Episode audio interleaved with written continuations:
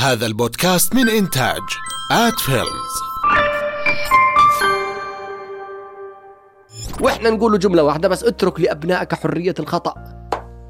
بس. تخيل هذا هذا أول شيء ما هو إذا عود تخيل أنت لما تعرف تحصل على اباء يحترم خطأ ابنه أنت الآن أنجزت ثلثين المسافة. الثلثين. 70% أنا أنجز. يظل 30% أنا أجهز له إياها ما عندي مشكلة. والكتب تجهز له إياها ما عندنا مشكلة. والإعلام يجهز له إياها والمحاولة والخطأ تجهز له إياها جاهزين. بس اترك لابنك حرية أن يخطئ بدون ما تصادره تحياتي. أنا طارق بدار وبرحب فيكم في حلقة جديدة من بودكاست شاي من عمان. بإمكانكم تتابعونا كالعادة على منصتنا الأساسية على SoundCloud كمان على أي منصة من منصات البودكاست مثل جوجل، أبل، سبوتيفاي، Stitcher، Castbox وغيرهم. كمان بإمكانكم تشوفونا على فيسبوك وعلى يوتيوب. برحب اليوم بضيفي دكتور خليل الزيود. أهلا وسهلا خليل. أهلا طارق. دكتور أه، من لما رب العالمين بدأ الخليقة لحد اليوم والناس متعودين إنهم يخلفوا ويربوا ويودوا على المدارس ويطعموا ويشربوا. وفي ناس حتى قريبين لفترة أجدادنا أو أبائنا حتى خلفوا عدد جيد من ال- ال- الذرية. يعني كان في عندهم 10 11 واحد 12 واحد في البيت. وكانت الأمور سالكة. ليش فجأة صار لازم نروح على مستشارين تربويين ومختصين ومن هالكلام اللي بدأنا نسمع فيه؟ إيش يعني كلمة الأشياء سالكه يعني آه، ما في مشاكل. مين حكى لك؟ هيك بنحكي. هينا أنا ناشئ وأنت ناشئ وفلان ناشئ وعلان ناشئ. يعني أظن أن النشء بمعنى الأكل والشرب والنوم والمسير في الحياة هذا هذا الحيوانات تتقنه أيضا يعني موجود عند الحيوانات كمان. يخلفوا وينجبوا ويجيبوا الأرنب يجيب 21 في البطن. جميل. وبالتالي هذه الفكرة متجاوزينها. لكن لما أقول ماشية الأمور إحنا ما بدنا أمور ماشية. يعني فكرة ماشية لا نريدها. إحنا نريد كيف ماشية ومتى ماشية ولوين ماشية وعلى أي أساس ماشية وشو هو الإشي الماشيه عليه. إحنا نجاوب على هذه الخمس أسئلة عشان نقدر نفهم إنه ماشية ولا مي ماشية. حلو. لما نجي على تاريخ أبائنا وأجدادنا نحترم ونقدر. فراح أتجاوز معك فكرة إنه. نحترم. خلص تجاوزنا إنه أكيد نحب أهالينا. ونحب جدودنا وكذا. شكرا لهم. لكن خلينا نقول هل ما قدموه صح ضمن ما يمتلكوا؟ هل استثمروا ما كانوا يمتلكوا؟ هل فائض الوقت الذي كان لديهم؟ قدروا يستثمروا صح. طيب بلاش. ما كان عندهم وقت يا سيدي وما كان عندهم أدوات. شكرا. هل ينفع نستنسخ تجاربهم؟ هي الفكرة هل الزمن تغير فعلا؟ دائما نقول عدوا أبناءكم لزمان غير زمانكم. لما نجي على أرض الواقع وأن نعد أبنائنا لنفس الزمان اللي مر علينا. طب أنت تقولوا زي فكيف تظن بالأبناء خيرا إذا نشأوا بحضن الجاهلات؟ تماما؟ والأم لازم تكون مع مع مع متعلمة. طب أنت تسهم في تجهيلها؟ فكيف تقول الأم مدرسة وأنت مم. تسهم في تجهيلها؟ هذه قضية ثانية. قضية ثالثة وهي مهمة أخوي طارق. لما نتحدث دائما أنا وأنت أو في أي جلسة نتحدث فيها عن موضوع أنه قديش لو رجعت فيك الأيام تعمل صح؟ صح. هي هالأيام هذه اللي راح ترجع فيك لو إنك بعد 20 سنة حكيت لو رجعت فيك الأيام ب 2050 لو رجعت فيك الأيام من 2020 شو راح تسوي يا طارق؟ والله لا سوي هيها يلا موجودة. هذا اللي جينا نقوله للجيل. هذا اللي جينا نقول نعم نحتاجين التربية. لما تجيب ثلاجه ولا غسالة ولا أي شيء عندك على البيت بدك تعمل كتالوج عادي. تعرف كمية المية وكذا عشان فعلا عدد الصحون بدك تحطهم في الجلاية الغسالة عشان تستمر معك صح؟ مم. طيب ممتاز هذا نفس الشيء بدك كتالوج. وما خلقت الجن والإنس إلا ليعبدون ليس إلا ليتزوجون ولا ليتكاثرون.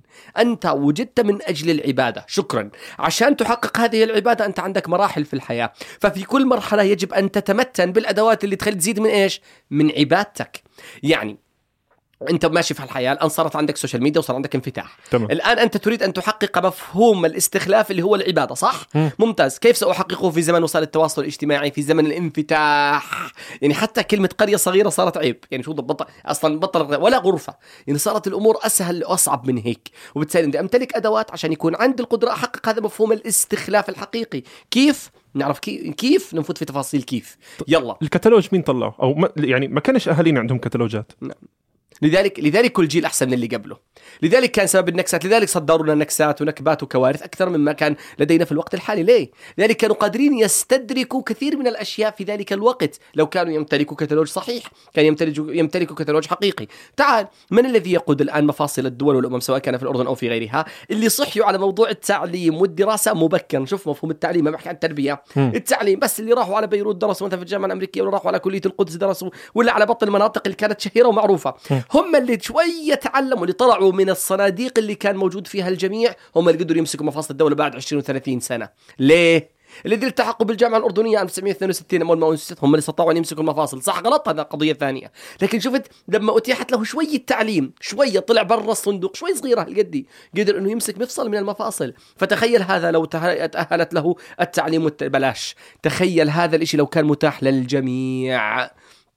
تخيل تخيل هذا التعليم البسيط اللي كان موجود لو كان فعلا متاح لكمية كبيرة. تخيل لو كان مفهوم المدارس متقدم على مف... على أي مفهوم آخر على الصناعة أو على الزراعة أو على غير ذلك اللي كانت بسيطة. قديش راح تكون الأمور؟ لو كان الأهالي عندهم وعي بأهمية مثلا بأهمية مثلا انهم يعدوهم لبكرة ماذا في بكرة؟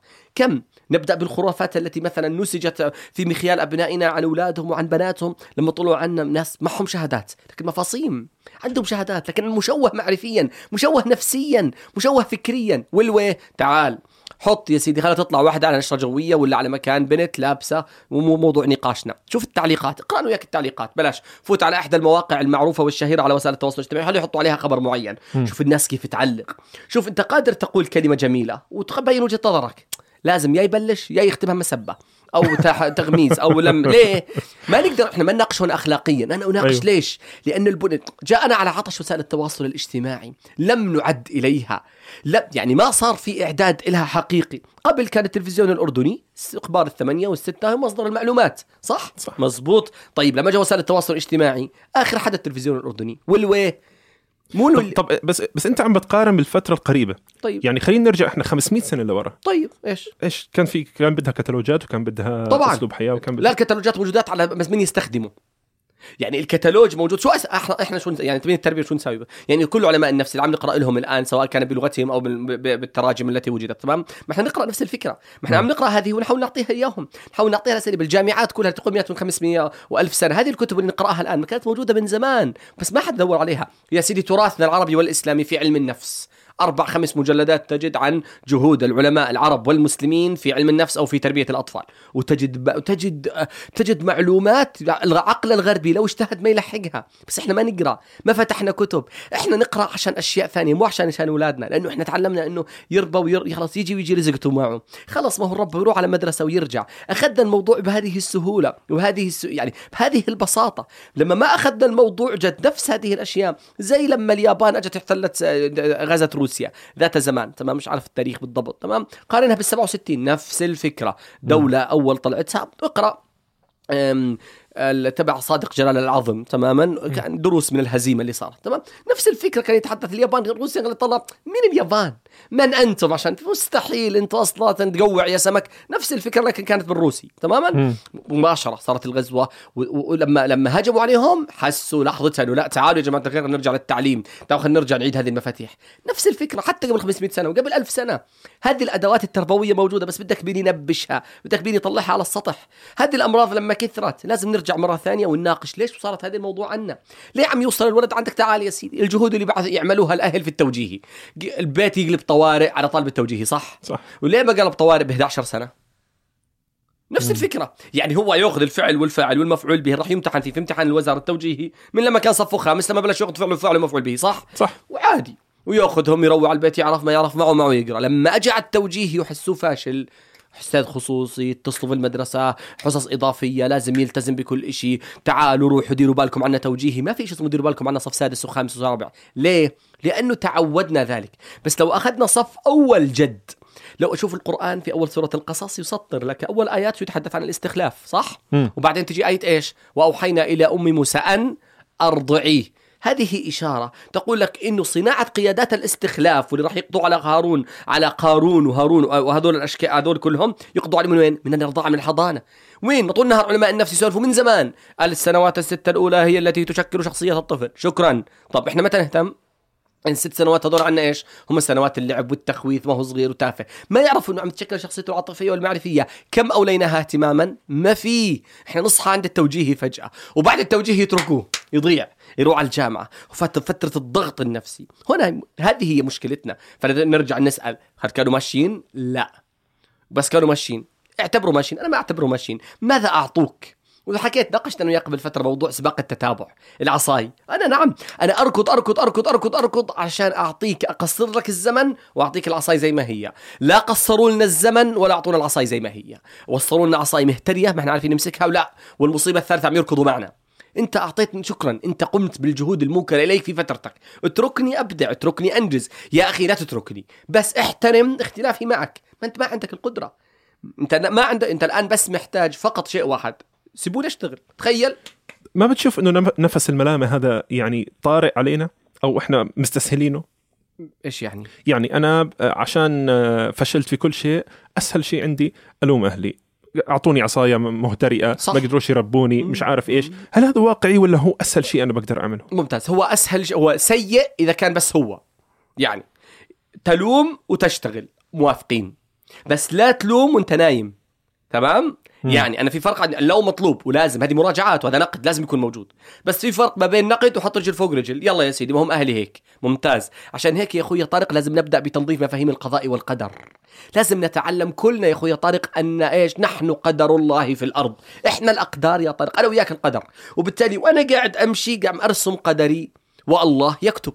الله ذو اطلاع. طبعا هذه قضية ما حد يفوت لي هسه يصير يناقشني يعرف وما يعرف. طبعا يعني. يعني الله يرضى عليكم أنا عم أسولف في سياق حضاري تماما تمام، معروفين. بس أنا أقول لك نعم لازم إنه نرجع ونقول أنت قدر رب. أنت أنت اختر إنا هديناه السبيل ما شاكر وإما كفور إنا هديناه السبيل. إحنا أعطيناك طريق إما أنت اختيارك شاكر أو كفور.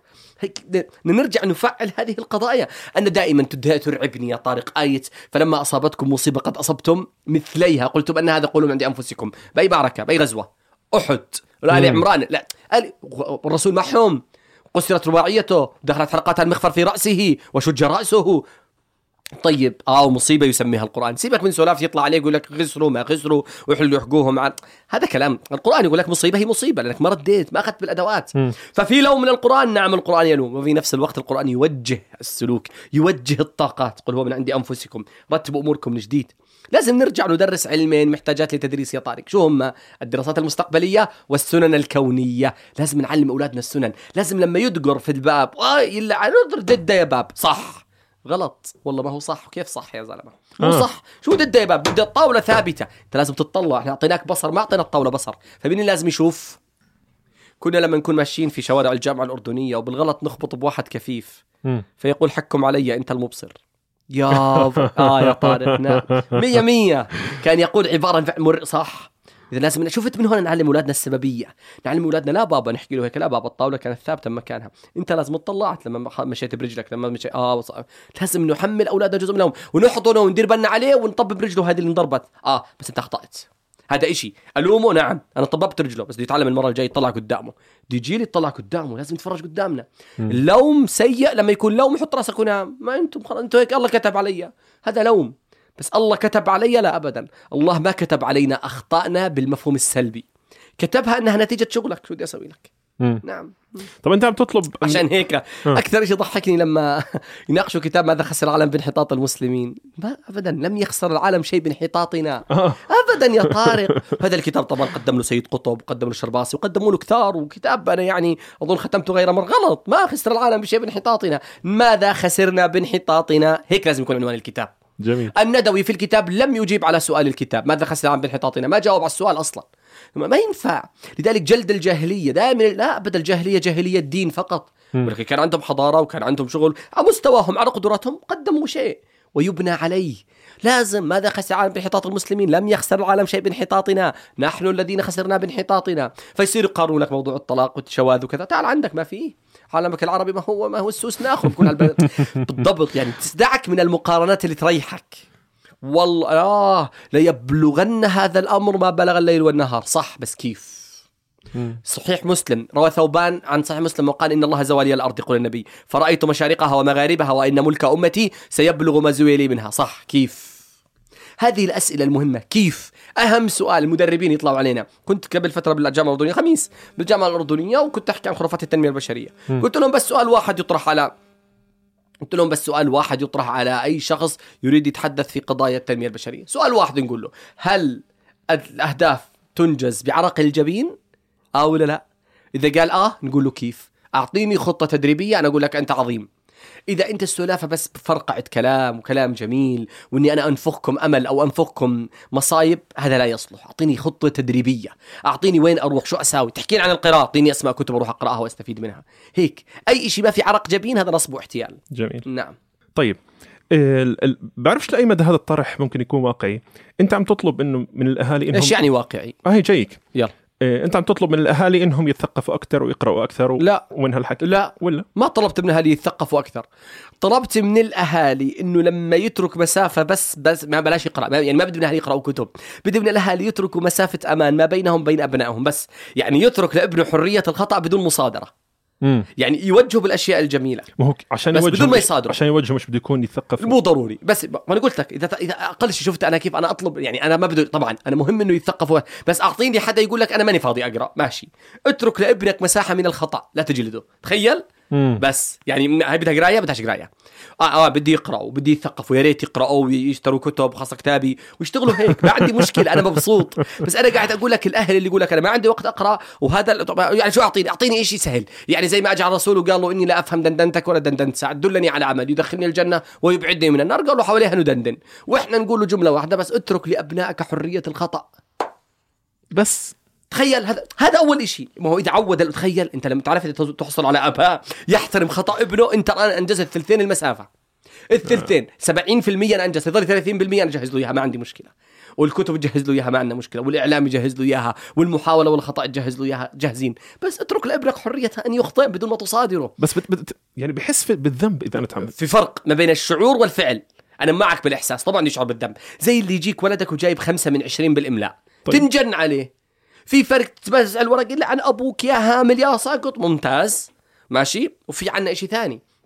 آه والله. وخمسة قليل. وليش؟ بس خمسة وكذا. تعال. وين؟ هات الورقة نراجعها. وأنت من جواتك إيش؟ تتقطع عليه. صح.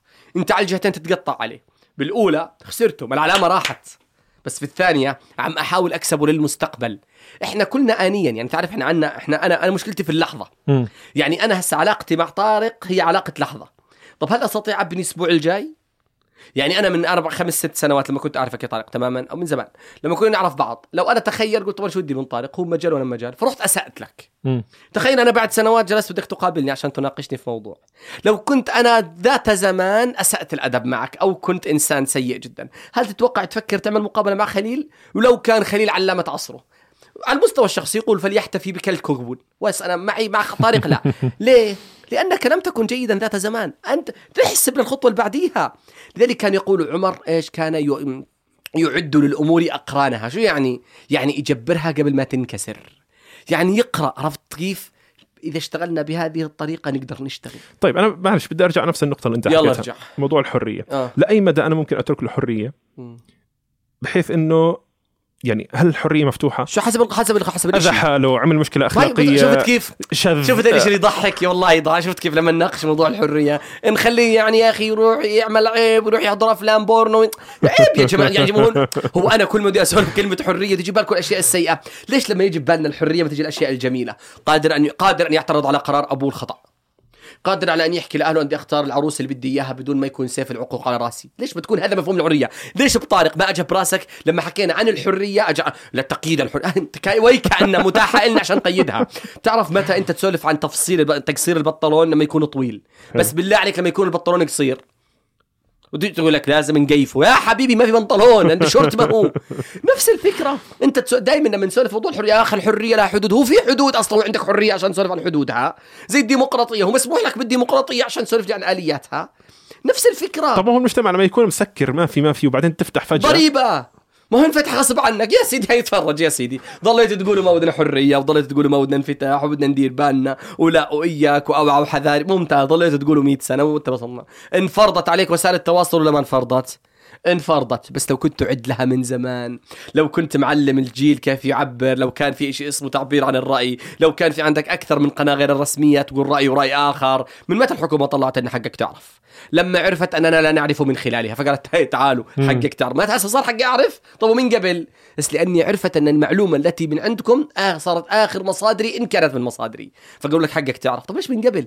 ليه ما كان هذا الأمر موجود من عنا؟ لذلك نقاش الحرية مضحك. أنت مو مسموع. يعني ما في حرية عشان نناقش. قال لها حدود هو في حرية. فلما جاءت فجأة خطأك بدك تدفع الضريبة. ولد نايم 12 سنة وبعد ما سقط بالتوجيه يلعن أبوك. ليش؟ لماذا ليه ما اشتغل أبوه من زمان عشان ما يلتعن؟ معطاك 12 سنة في المدرسة يقول لك اشتغل عشان بالتوجيه ترتاح. لا. مم. ناموا 11 سنة وبصقت قالوا لا خواله لا خوال ولا عمام. والله يا طارق فلا تضحكوا علينا. قالوا هاي شفت كيف؟ هذا السؤال مضحك. آه الانفتاح. الشذوذ الجنسي يا حبيبي يا حروقوا علينا. هو في حرية أصلا عشان تقيفوها. ما هو شرط.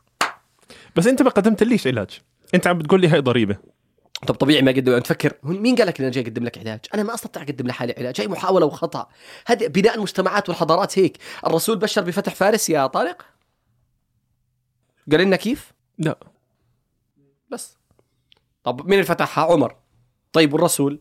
ما قد يعني ماني ماني مجبور أقدم لك إجابات على كل التساؤلات بمجرد أن أفتح عندك يا زلمة لما قال لنا الرسول من حق السائل ولو جاء على فرس انت مدرك ما معنى جاي على فرس يعني مو جاي متأدب بين يديك يا طارق جلسة المريد بين يدي شيخه ولا الميت بين يدي مغسله لا يا حبيبي. جايك على فرس يعني مو عاجبه. ومستعجل social media. شو يعني مستعجل؟ يعني اعطيني من الأخير الزبدة. حقه جيل هيك. فرض عليك الواقع هيك. بدك تماشيه ما ينفع تقول العلم يؤتى ولا يأتي. يا حبيبي صح بس مش الآن. مش مع هذا الجيل. هذا الجيل محتاج تشوف وين المرغبات له وتلعب أنت على الوترين. تلعب على الوتر الذي يحبه وتمرق له بعض الرسائل. حولها ندندن قال له حولها ندندن. ائذن لي بالزنا. ترضاه لأمك لعمتك لخالتك كذا بعدين مرق له رسالة والناس لا يرضونه اللهم طهر قلبه. هذه الرسائل خلاص زمن المحاضرات ولا مدبرا ولم يعقب يا طارق. بطل في محاضرات ما في ما في حدا يجي يقعد عندك يسمع ساعتين وثلاثة وأربعة. لا. بس والله يا خليل في ناس آه، هذا استثناء اللي يسمع لهم. بس أنت بدك تقعد مرة ثانية وتقول لا تعالوا نسوي لكم فلاشات نسوي أشياء بسيطة. س- شوفت حركة الإصبع على شاشة جهازك يا طارق. مم. هذا هو الجيل. شفت لما تفتح اليوتيوب أنت أي فيديو؟ مش يطلع لك دعاية. كم مدتها يا اخ طارق؟ خمس ثواني. شكرا. خمس ثواني. يقدر يوصل لك رسالة؟ طبعا. وصل. شفت. شكرا. مع إنك أنت تستنى سكيب صح؟ مش تستنى عشان تكبسها في خمسة أربعة ثلاثة. يكون وصل لك الرسالة في خمس ثواني. يا رجل الخمس ثواني شو تقدر تقول؟ نستطيع في عالم الصورة نقدر. ما بدنا. لما نتعلم ما بدنا نقدر. نقدر. بس لما صار لهم فضائيات صارت تقول آه نعم يجب أن نستخدمها كوسائل. طب ولما طلعت لي الإطباق على الأطباق ذات زمان؟ ولما قلت لي هنالك فتنة لن تترك بيت إلا ودخلته إنه المفسديون. شفت؟ مشكلتنا وين؟ بعد ما يرموهن نروح ندور عليهن. ليه من البدايات؟ ليه ما نجبر قبل ما تنكسر؟ لا يا طارق. بس ما أجبتني على سؤالي بعد. ما راح اجاوبك قلت لك ما عندي. ما هو بس هو- أنا ما عندي ما إجابات. أنت ما بصير تقول لي. روح وتصرف بهذه الطريقة ما قلت لك. والأخطاء اللي نشأت عنها ما بدك تتحمل مسؤوليتها. لا قلت لك تتحمل مسؤوليتها في التصحيح مش تتحمل مسؤوليتها في الذنب. في فرق. انتبه. تتحمل مسؤوليتها في التصحيح نعم. إنه أنا بدي أصحح الخطأ. الطريقة اللي ربونا عليها جدودنا وآبائنا ما بدنا نربي عليها أولادنا. فإحنا شو نعمل؟ نصحح. نعم نحاول. الضرب كان الضرب والله تحشر والله من لما راحت الحزام من المدارس والعصا من المدارس طلع الجيل هامل. غلط! مطلع لنا جيل مفصوم. مو هذول التحرش الإلكتروني وكذا وهذه البلاوي كلها. ما طلعت من خلال إيش؟ مكبوت! مضغوط! انفجع يا زلمة! انفجع! يفوت على الجامعة يخلص التوجيه ويفوت على الجامعة. يشوف البنات والبناطيل والدنيا. آه ممتاز! يفوت يحب ونحب الأمن الجامعي بالسنة الرابعة. والوي لأنه عجين واقع بسله التين. غشيم يا طارق غشيم! طبيعي هذا الإشي يصير. لا أنا ما قلت لك أنا ما قلت لك إنه بس يقعد يلطم. لا قلت يصحح الأخطاء. وإحنا مجبورين نصحح الأخطاء. طيب كيف كيف؟ أنا عندي حاليا مجتمع آه. أو نسب عالية من الش- من الشذوذ والانحرافات وال طيب. والإلحاد ومش عارف إيش. طيب آه نتيجة منطقي. طبعا ممت- ما تنسيش لازم يكون فيه. متفقين. آه. كيف بدنا نتعامل معهم؟ ولا هم ولا هم مش خطأ؟ اولا هو جيش. لا هو خطر وصح ومزبوط ان نشتغل معهم. اولا أنت محتاج لجيش من المؤدبين قبل ما يكونوا علماء. شوف آتيناه إيش باللي سوره الكهف. رحمة من عندنا. كمل يا طارق؟ وعلمناهم من لدنا برافو. علما. من أول الرحمة ولا العلم؟ الرحمة أول. شكرا. آتيناه رحمة من عندنا. وعلمناه من لدنا علما. اذا ما الذي يسبق المعلومة؟ الأخلاق والأدب والذوق في التخاطب. مش منطق يا رجل مش منطق إني أتعامل مع الجيل على إني أنا الآلهة وأقسم فيهم. ج... ما قسمنا جنة ونار. ما مرات أنت ما تحتاج تقولي جنة ونار أنت محتاج النفس وتسولف فيه معي مبين إنه جنة ونار يعني مبين. مبين وأنت وأنت مصدرني وحطني بين قوسين. مبين. لذلك إحنا ننادي مرة ثانية ونقول تعال أول شيء لازم نتعلم الناس الخطباء المساجد اللي يطلعوا على المنابر الإعلامية اللي يتصدروا للحديث مع الناس اللي يتصدروا الاشتباك مع الناس. قوموا لازم تكونوا مؤدبين. تفهموا الناس نفسيا. علم نفس التطور الأطفال لازم نعرفه. لازم نعرف أن تمرد المراهق ليس تمردا وإنما رغبة في تشقيق الذات. فأترك له هاي المساحة. شفت؟ هون أبلش العلم. بس لما أكون أنا مؤدب مع ابني. لما أشوفه أفوت عليه فجأة الباب ويحضر سكس كويس؟ آه لعن أبوك تكسر التليفون وكذا يا فاسق. فا- بس استنى شوية. أنت أخطأت قبل ما يخطئ. إيش؟ لما فت عليه فجأة. مم. لما أعلم الخصوصية وأعلم الثقة فإن خذلني بعدين أنا أشتغل معه. شفت؟ أدق عليه الباب. بعدين لما أجلس معه أقول اسمع مش دقيت عليك الباب ليش؟ مم. مش أنا دقيت ما أنت حتقرا بعيون أولادك كانوا يعملوا خطا أو صح بشرط تكون قريب منهم. شو اللي خلاه يلجأ لأفلام البورنو؟ ليش؟ تعال اسأل هذه الأسئلة ببساطة. شو اللي خلاه يهمل بدراسته يخبي العلامه عنك شهرين وثلاثة وأنت ما تدري عنها؟ شو اللي خ... يعني هذه أسئلة مهمة. ما الذي جعله يفعل ذلك؟ لذلك دائما نقول في علم التنمية، ندرس هذا كل سلوك له سبب كل سلوك له دافع كل سبب له نتيجة. كل سلوك له سبب. ليش عم نبني هيك؟ هذه الأسئلة لما نسألها من هون نبلش. أول شيء مؤدبين تماما؟ رحمة من عندنا. مؤدب بعدين نبلش. طبعا الم- شوف التغيير اولا هو يحتاج استرخاء مع الزمن. أي واحد يمسك مسطرة لن يغير. ما في تغيير سريع. ما في ما, ما يزبط. التغيير السريع ما هو حيجي تغيير مضاد سريع. واحد. الأمر الثاني هو الأهم. الذي يز- يضع البذرة لن يجني الثمار. إحنا مشكلتنا وين؟ إنه أنا إذا قلت لابني لازم تجتهد في دراستك لازم يقوم من عندي وين يروح؟ على غرفته يفتح كتبه. غلط. غلط. أنا إذا سويت للناس خطبة عن الصدق على المنبر فلازم الناس شو يصيروا صادق. إذا حكيت لهم عن الغش في الميزان ونزلت على السوق لقيت غش إذا أنا إيش؟ في عندي مشكلة. لا. ما عندك مشكلة في الخطاب إذا كان مؤدب وضمن هذيك المواصفات لكن عندك مشكلة في الاستعجال. ما في. ما شافوا الأنبياء ما شافوا الثمار. أعطيني نبي تظلل في ثمار انجاز دعوته. ما في. ما في. الرسول نعم ولكنه هل شاف ال- الازدهار والإسلام منتشر وكذا الذي بشر فيه؟ لا. ببساطة لأنه هذه طبيعة التغيير. شرطين. الشرط الأول تكون مؤدب والشرط الثاني ما تستعجل. مو شو اللي يخليك ما تستعجل؟ تكون مؤدب لك تكون فاهم الاسترخاء مع الزمن الثالثة. مو ما راح تسترخي مع الزمن. واحد فاهم إنه قضية لازم تكون بسرعة. فهون يستخدم العصا. ليش يصرخ ويسب؟ وبده الناس بسرعة تصير تصلي والنسوان يتحجبن؟ ليه؟ ليه حتى موضوع الحجاب. تعال خلينا نسأل. وين البنات يفتحوا الحجاب؟ لا تم- في س- تمرد؟ في سؤال قبله. شو هو يا طارق؟ شو اللي خلاهم يلبسوه؟ آه. طبعا طبعا. أنا ما أسأل فلانة لماذا خلعت حجابها. نقول لماذا فلانة لبست حجابها. قناعات يا أبوي خالد. قناعات. تعلمنا يا طارق. آسف. بسيط. أخوي طارق تعلمنا في علاج السلوك المعرفي. تدرسنا جودث بيك الله يحفظها. في علاج السلوك المعرفي تقولنا في عندكم مشاعر وفي عندكم أفكار وفي عندكم سلوك. هي النقاش الدائر بين العلماء مين اللي يسبق الثاني ومين اللي يفوت الثاني ومين يوجه الثاني ومين النتيجة ومين السبب وكذا. مم. أنا خليل أقول دائما لا يمكن التفريق. ليش؟ لأنها جديلة. شافك ببعض لأنها دائرة مغلقة. المشاعر مهمة طبعا والسلوك مهم طبعا والأفكار مهمة طبعا. الشغل عليهم الثلاث مع بعض. أنا يهمني أحترم مشاعرك حتى لو كانت غلط. ويهمني ألعب بأفكارك وأغيرها وأعدلها حتى لو كانت من وجهة نظري غلط. بس بهدوء. ويهمني السلوك إني أنا أشوفه كثير كويس. هذه الثلاثية في العلاج السلوكي المعرفي اللي تعتمد على الأفكار والمشاعر والسلوك لازم نرجع ونعيد النظر فيها في تغيير المجتمعات. لازم نرجع. لذلك لذلك أهم سؤال يا طارق يطرح هو سؤال واحد بس. مين أنا؟ يعني مين أنا عشان أغيرك؟ مين؟ مين أنا عشان أصدادر على البنت اللي شلحت حجابها أنها فاسقة وفي مشكلة بنفسها؟ ليش ما أقول أنه كانت تلعن الحجاب سنوات طويلة بس ما كانت لاقية الفرصة المواتية؟ ليش ما أقول تعالوا خلينا نعلم الجيل أن القناعات مقدمة على العبادة مقدمة على التوحيد وقدم على. قناعتك. لذلك كانوا اقرا ولو إيش قال له اقرأ؟ مم. عشان يفتح كتب ونسوي بوك كلاب لا. هو قال لك اقرأ عشان لما تجي توحد تكون قدها لأنه تبعاتها كبيرة. والوين كانوا الكفار ما قدروا يوحدوا؟ لأنهم عارفين لا إله إلا الله معناها التزام. إحنا نعلم الناس الالتزام في الحياة عشان يقدروا يلتزموا في ال- في, ال- في, في الشعائر مشوارنا مطول آه يا قلبي. جميل. طيب لو بدي أسأل أنا ال- ال- الطرح اللي بتحكيه خليل إيه، من وين نشأ؟ يعني لو بدي أعرف أكثر عن دراستك عن رسالتك في الدكتوراه اطروحتك لا علاقة له. لا علاقة. طبعا لا علاقة له. الفكر لا يبنى في الجامعات وأروقة. الجامعات لم توجد لكي تعطيك فكرا. أجت تعطيك مفاتيح المعرفة. أجت تقول لك في إشي اسمه مبادئ في الإرشاد. أجي تقول لك في واحد اسمه فرويد. أجي تقول لك في واحد اسمه جورج طرابيشي. أجي يقولوا لك في واحد اسمه مثلا سيف مفسر بس بس الجامعة لا تعطيك إلا مفاتيح.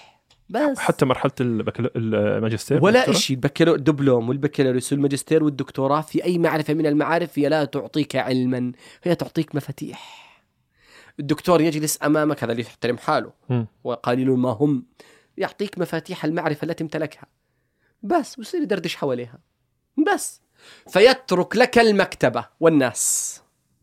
المكتبة تغوص يا غواص وتقرأ وتروح تناقش وتحاول وترجع وتجادل وكذا. عشان اسمها اسمها حلقة الدرس.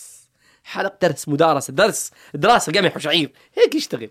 تدرس وناق هيك بس ما تعطيك. بس من هذا المنطلق أنت يعني أكيد مش غايب عنك كثير صار في طوش بينك وبين آه، ناس آه، لهم درجات علمية معينة في تخصصاتهم. بيعتبروا إنه أنت تصدرك للإعلام قبل ما يكون في عندك درجة علمية هو بين قوسين تخبيص. صح. من وجهة نظرهم تحترم. صح. هو هو يقرأ هيك. يعني هو يقرأ إنك أنت قبل ما يكون عندك درجة علمية تخبيص. طب بعد ما صار عندي درجة علمية شو صرت؟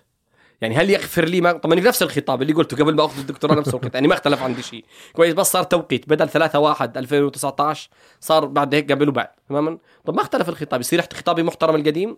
هذا يعني ماشي. هذا شيء مضحك يعني. ماشي هذا واحد. الأمر الثاني وهو الأهم من ذلك كله. هذه الدرجات لا قيمة لها. والله لا قيمة. لها. والله لا قيمة لها. هي مشكلتنا أن المجتمع يحب ذلك. يعني أنا لماذا سعيت إلى أنا جلست في الدكتوراه ست سنوات. ست سنوات كاملات يعني 2012 و13 و14 و15 و16 و17 و18 سبع سنوات. بثلاثة واحد تسعة ثلاثة واحد 2019 أنا ناقشت. فأنا جلست في الدكتوراه سبع سنوات ولولا الجامعة ما بعثتني تنبيه والله ما طلع ما خلصت. لا يعنيني. بس لأنه المجتمع ودال نقطة تعرف يعني لها لها وزنها النفسي عند الناس والاجتماعي.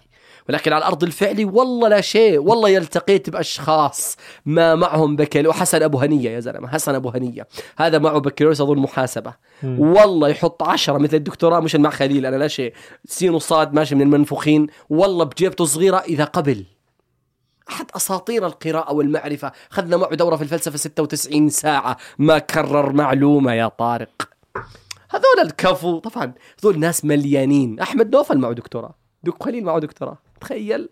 لا لا نرجع مرة ثانية ونعيد النظر. بس الدكتوراه ما بتحطك في تجربة ممتازة تطلعك من خلالها أو تلزمك بإنك تطلع على بحوث وعلى آه، كتب ما وت- تلزمك أنت تلزم نفسك ألزمت عشان, نفسك. عشان تأخذ الدرجة. حلو. آه فأنت تطلع على البحوث اللي توصلك للدرجة مثل البحوث اللي بدك إياها. يعني أنا لما جيت أكتب العنوان أنا أكتب عنوان على كيفي لا. عندي قد منهم مجموعة عناوين اللي يزبط مع اللجنة إنه أكتب فيه. طيب. وقد يكون أضعف ما تريد. وقد يكون الشيء اللي انت ما ب... لا صح حلو العنوان وأنا مبسوط عليه وسعيد بالدرجة اللي أخذتها وحصلت على الدرجة أنا بدون أي تعديل على أطروحتي إيش كان العنوان؟ كان عنوانها عن فعالية برنامج تدريبي لتثقيف الأمهات شفت على الأسر م. تثقيف الأمهات والأباء في موضوع ذوي الإعاقة تماما كيف يتعاملوا مع أولادهم في التدخل المبكر. تماما؟ وحلو مبسوط أنا في عنواني. لكن هل أنا لو أتيح لي الدرس أبحث في مناطق أصعب؟ نعم. أروح لمناطق أبعد؟ نعم. أبحث في قضايا الإجهاض عن ذوي الإعاقة؟ نعم. ويا ريت كانت اطروحتي في هذا العنوان. يا ريت. بس مو الأمور لا تسير كما نريد. عشان هيك نعم هو يعطيك المجال لكن قديش يترك لك المجال الحرية مرة ثانية. اكتب ما تشاء ونحن نقيم معرفة. لا ما في. طب آه، هذا السؤال أنا اقترحت يعني كررته على أكثر حدا من من ضيوفي آه. اللي هو أنا كيف أميز؟ أنت بتحكي لي كلام وأصحاب الدرجات العليا أو غير أصحاب بغض النظر يعني عن عن تجربتي ما لي علاقة في الناس. أنا لا اخذ قاعدة. كيف بدي أعرف إنه أنت اللي بتحكيه. لو بدي أجي اطبقه على تجربتي هو شيء جيد. وهذا غلط. شو الغلط؟ إنك تطبقه على تجربتك. أنت تطلع على تجربتي وتختبرها بمنظورك يا طارق. نختبر تجارب الآخرين لا نتقمصها. نخوض إحنا نخوض البحر. ولكننا نخوضه بأرجل الآخرين. نخوضه بأرجلنا نأخذ من خبرتهم ونبني عليها. دلكتيك النقاش الجدل هذا هو المهم. هيك إحنا نشتغل؟ أنا أنا خبرتي مع الدرجات العلمية هيك. لا بحكيش على مستوى درجه علميه وعيشي. بحكي على مستوى اطروحتك في. التربية والأسرة. عايش طبعا عايشي أنا أقول وجهة نظر. أنا أقول وجهة نظر في التربية هيك. أنا برأيي أن يجب أن يأخذ الطفل حرية مطلقة تناقش في كل شيء. الولد يحاور في كل شيء في كل شيء. ما في الوالدين لهم حدود. في ناس كثير يزعل نعم الوالدين لهم حدود. لازم الأخلاق قبل التربية والتعليم. قبل لازم يكون مؤدب. دكتور في الجامعة يبهدل الطلاب عشان مستقبلهم. غلطان الدكتور غير مؤدب. ما يطلع لك تسب علي. ما يطلع لك أنا ذات في نفخة من الله يا طارق. ما يطلع لك تسب. أنت لك أن تأخذ بيدي وشوي شوي بشرط إني أكون طايقك. أهم شرط من شروط النصيحة إني أحبك. تعرف أنت لما تحب شوف يا طارق قد أنت لك أصدقاء في الحياة. ممكن تسمع من واحد نصيحة تكون ثقيلة صح؟ صح. ويكون مرات فيها كلمات جارحة. أنت لا تقرأها جارحة ليه؟ لأنه له مساحة نفسية عندك. وأنا نفس الشيء لذلك أنت مطالب الناس كلها تكون أنت مؤدب ومحترم وخلوق. فقولا له قولا لينا لفرعون. ما في أطغى من فرعون. وينه رايح موسى ما في واحد منكم أحسن من موسى. فقل ولو كنت فظا غليظ القلب وهذا ترى حفظناهم منهم نفسهم سيئين الأدب حفظون هذه المصطلحات. يعني نفسه اللي يسيء الأدب على المنبر. هو حفظك هذه الايات وصلى الله على الرحمة المهداة والنعمة المزداة. محمد عليه السلام. صلوا على رسول الله. نصلي عليه. كويس؟ ممتاز. بعدين يقول لك نعم ولو كنت فظا غليظ القلب. هو نفسه يسولف معك. تكون أصلا الخطبة تسميع حكي. لبعض ثلاثة أربع كنتين بالخطبة. سمعهم حكي على النفاق وكذا. طب كيف؟ لما فعلت هذا بنا يا طارق؟ نرجع مرة ثانية يا طارق ونشتغل من أول. ناخذ تجارب اسمها تجارب تجربة خليل. نقطة. نقطة. إذا سميت طبعا تجربة بدي أنا لا فتيت ولا غمست. تمام. بس لأني أحب الشهرة جيت معك. تسلم، الله يعزك. ابدا. آه. تماما. آه بس هد... أنت بهذه الحدود تشتغل. اخذ تجارب الناس هيك تقرأها تفحصها. تتفحصها عجبتك تأخذ منها. وبس اتركها بدون ما تسيء لها بدون ما أهينك. إحنا مشكلة إه- اهانه اسابه زي اللي علق شوف أنت فوت أنا فوت كثير أقرأ comment ات على المواقع المعروفة. كثير وأخذ ملاحظات. دائما قبل كل محاضرة إلي كنت أفعل هذا الشيء وما زلت أفعله أروح أحط سؤال استفزازي له علاقة في موضوع بدي أطرحه الأسبوع القادم. فيبلشوا الناس ماذا يفعلوا من كل أحد من وصاوب يكتبوا وأنا مسك قلم وقلم آه. كل تعليق أنا أعرف إنه في ألف واحد يعتقدوا ما يقول لو كانت شتيمة أو مدح. فأنا أحضر محاضرتي بناء على أقوالهم فتأتي تأثيرها في الجمهور 100% لأني خاطبت وقل لهم في أنفسهم قولا بليغا في أنفسهم. كيف؟ نعرفهم كيف يتحركوا. كيف يسولفوا؟ أيوة. زي الطبيب لما يحط إيده على الولد أيوة. نفس الإشي المتحدثين. بس إحنا ما لنا علاقة في الموضوع. خليل أنت ما بتخلط بين ال- المحتوى والأسلوب؟ طبعا. يعني أنا ممكن أقعد أسمع لك ساعة ونص ساعتين. آه. مش عارف كم المعلومات اللي حطلع فيها بمقابل الانبهار بأسلوبك. نعم. بالمقابل بالمقابل أنت كثير بتهاجم جماعة التنمية البشرية لأنهم بيستعملوا هذا الأسلوب. شو, غلط شو الفارق بينك وبينهم؟ ولا شو هذا خاطر جزء من أخطائي. نعم. أسلوبي مرات يأخذني الدفاع والحماسة يسطو على الفكرة. ومرات أرجع. ما عندي مشكلة. أتقاطع مع طبعا أتقاطع مع كل حدا يا زلمة اتقاطع مع الشيوخ اللي مرات أنا أنتقدهم. عندي من خطاب الوعظ. طبيعي أنت إنسان طبيعي تحت طبيعي إنك يعني طبيعي إنك تكون هيك. مم. ما طبيعي يعني هذه الأخطاء التي نحذر منها من وجهة نظرنا نقع فيها طب طبيعي. عرفت؟ يعني طبيعي. الرسول مش كان أفضل من طبق موضوع الزواج والأسرة. القرآن نفسه يقول إن عسى ربه ان طلقكن أن يبدله ازواجا خيرا منكن. وقاطعهم 29 يوم. وهو نفسه اللي قال رزقت حبها لإحدى زوجاته. مم. عادي. هذا طبيعي. أنت ليش ليش دائما نتعامل مع المتحدث إنه لازم يكون على المسطر لازم يكون النموذج اللي أبنيه براسي يبني طارق نموذج براسه عن خليل. لازم خليل يجي زي النموذج أو ما بدي إياه. غلط ما في حدا هيك. استسهال. ما هو هذا كان تابع لل- للشيء اللي طرحناه قبل شوي اللي هو كم المسؤولية الموجودة علي عشان أنا أقرر. يعني لأي مدى بدي أضل أبحث وأدور واسال لازم. ليش ليش لأي مدى. ما فيش وقت. شو خلاص مشكلتك. إذا القضية لا تعنيك. لو تعنيك بذلت لها الوقت بذلت لها المطارف والحشايا. لازم أبذل وقتي عشان الفكرة. أنت تقول لي عن سؤال أنت تقول لي عن تغيير وكذا وما عندك وقت؟ أنت تسولف لي عن بدي يعمل حوار مع الدكتور الفلاني بتقول لك والله أنا مو فاضية. لا مو فاضية. تقعد ثلاث ساعات قدام المرايه تضبط تنورتها وبنطلونها وقميصها. وما عندها القدرة تفرغ حالها ساعة قدام جوجل تقرأ لها كتابين ثلاث عن الموضوع تتحاور فيه واحد حيسمعها 500 ألف واحد. ما عندي وقت. لا يا أختي عندك وقت بس أنت ما عندك أولويات. أولوياتنا يا طارق. مي أولوية. ما عندي وقت. لا بدي بدي أبحث. بدك تبحث وتدور وتناقش وتقرأ وتح... عشان هيك الأستاذ في الصف مو محتاج يعطيك معرفة. هو يعطيك مفاتيح أدوات. وأنت تروح تقرأ وتبحث وتدور. يكون لك وجهة نظرك الخاصة وأنت وجهة نظرك الخاصة ونبني عليها في المستقبل. ونعطي الأجيال وجهة نظر. يعني لما أنا أصحى الساعة 7 وأروح على البيت الساعة 8 ولا أي 9 نعم، صح. إمتى بدي؟ جزء من التحدي. جزء من التحدي. هذا جزء من التحدي آه. جزء من التحدي. في ناس ظروفهم أصعب وقدروا ينجزوا آه. وقدروا يقرأوا؟ آه. وقدروا يقدموا؟ آه. عادي. هذا جزء من التحدي طبعا. ما في شيء سهل. يعني أنا ما أعرف فين جابوا لنا يعني بصرت بالراحة الكبرى فلم اراها تقد إلا على جسم من التعب. عادي. يعني بدي يكون في مش عارف. تغيير هذا تغيير يا أبوي تغيير مجتمعات تغيير أنفس تغيير حياة هذا. شغل طلعة ونزلة. طبيعي بدي يكون هيك. تغيير مجتمعات وأنفس وخلافه. وبالآخر آه، طرحت كتاب. أيوة. على أساس إنك تساهم تساهم في التغيير. أيوه. وفجأة طلعنا على الكتاب وإذ به هو مجموعة قصاصات. أنا آسف. صح. هيك بصير التغيير؟ نعم. لا من وجهة نظري يعني كويس. ماذا أردت أنا في الكتاب؟ هيك السؤال. مش السؤال هيك يصير التغيير. السؤال ماذا أردت من الكتاب؟ كتاب قصاصات. بوستات كأنه بوستات وحاط لي إياهم 214 صفحة يا خليل. صح بتقول إنك مغطي 150 موضوع في التربية اللي الناس تحفر 24 ساعة في الأبحاث عشان يحكوا فيها. صح. أنا اولا في هذا الكتاب ما جئت علشان أدلك على كل تفاصيل التربية. أنا جئت أعطيك عبارة أقول لك قيف مضمونها حسب بيتك. شو يعني؟ يعني أنا أعطيتك قطعة قماش متر بمتر قلت لك هذه قطعة القماش أنت بشو تستفيد منها؟ فتسألني سؤال شو فائدة قطعة القماش؟ أقول لك جبت لك إياها نخب أول من وجهة نظري كخبير. جبت لك قطعة قماش تركي المول شو مكان؟ خبير يعطيك إياها. انت تروح على خياط وتقول له فصل لي إيش؟ هذه القطعة بما يتناسب مع ظرفي. أضرب مثال على كتابي. أنا جئت في الكتاب وقلت إياكم والإنجاب وإن كان لابد فاقرأوا هذا الكتاب. ستقرأ في أول شيء أنه أن يظن الوالدان أن التربية تسمين فقط. أو بلاش نرجع على أول شيء لما نجي على أول عبارة وأنا أقول لك أنك لازم تختار المحضن التربوي بشكل صحيح وحاط لك أنا معايير. نعم محضن تربوي روضة حضانة مدرسة جامعة كذا لا ابنك فلازم تختاره لأنه حيترتب عليه كثير أشياء وذكرتها في الكتاب. فإذا أنا شو قلت لك؟ اختار وعندك ثلاث معايير. هذه ثلاث معايير شوي فضفاضة عشان أنت تشوف ظرفك المادي. مرات يكون في محضن عظيم بس ظرفك المادي ما يقدر تحط ابنك فيه. بس حتى وإن كان إياك أن تذهب إلى محضن تربوي تكون الأمور فيه سيئة جدا.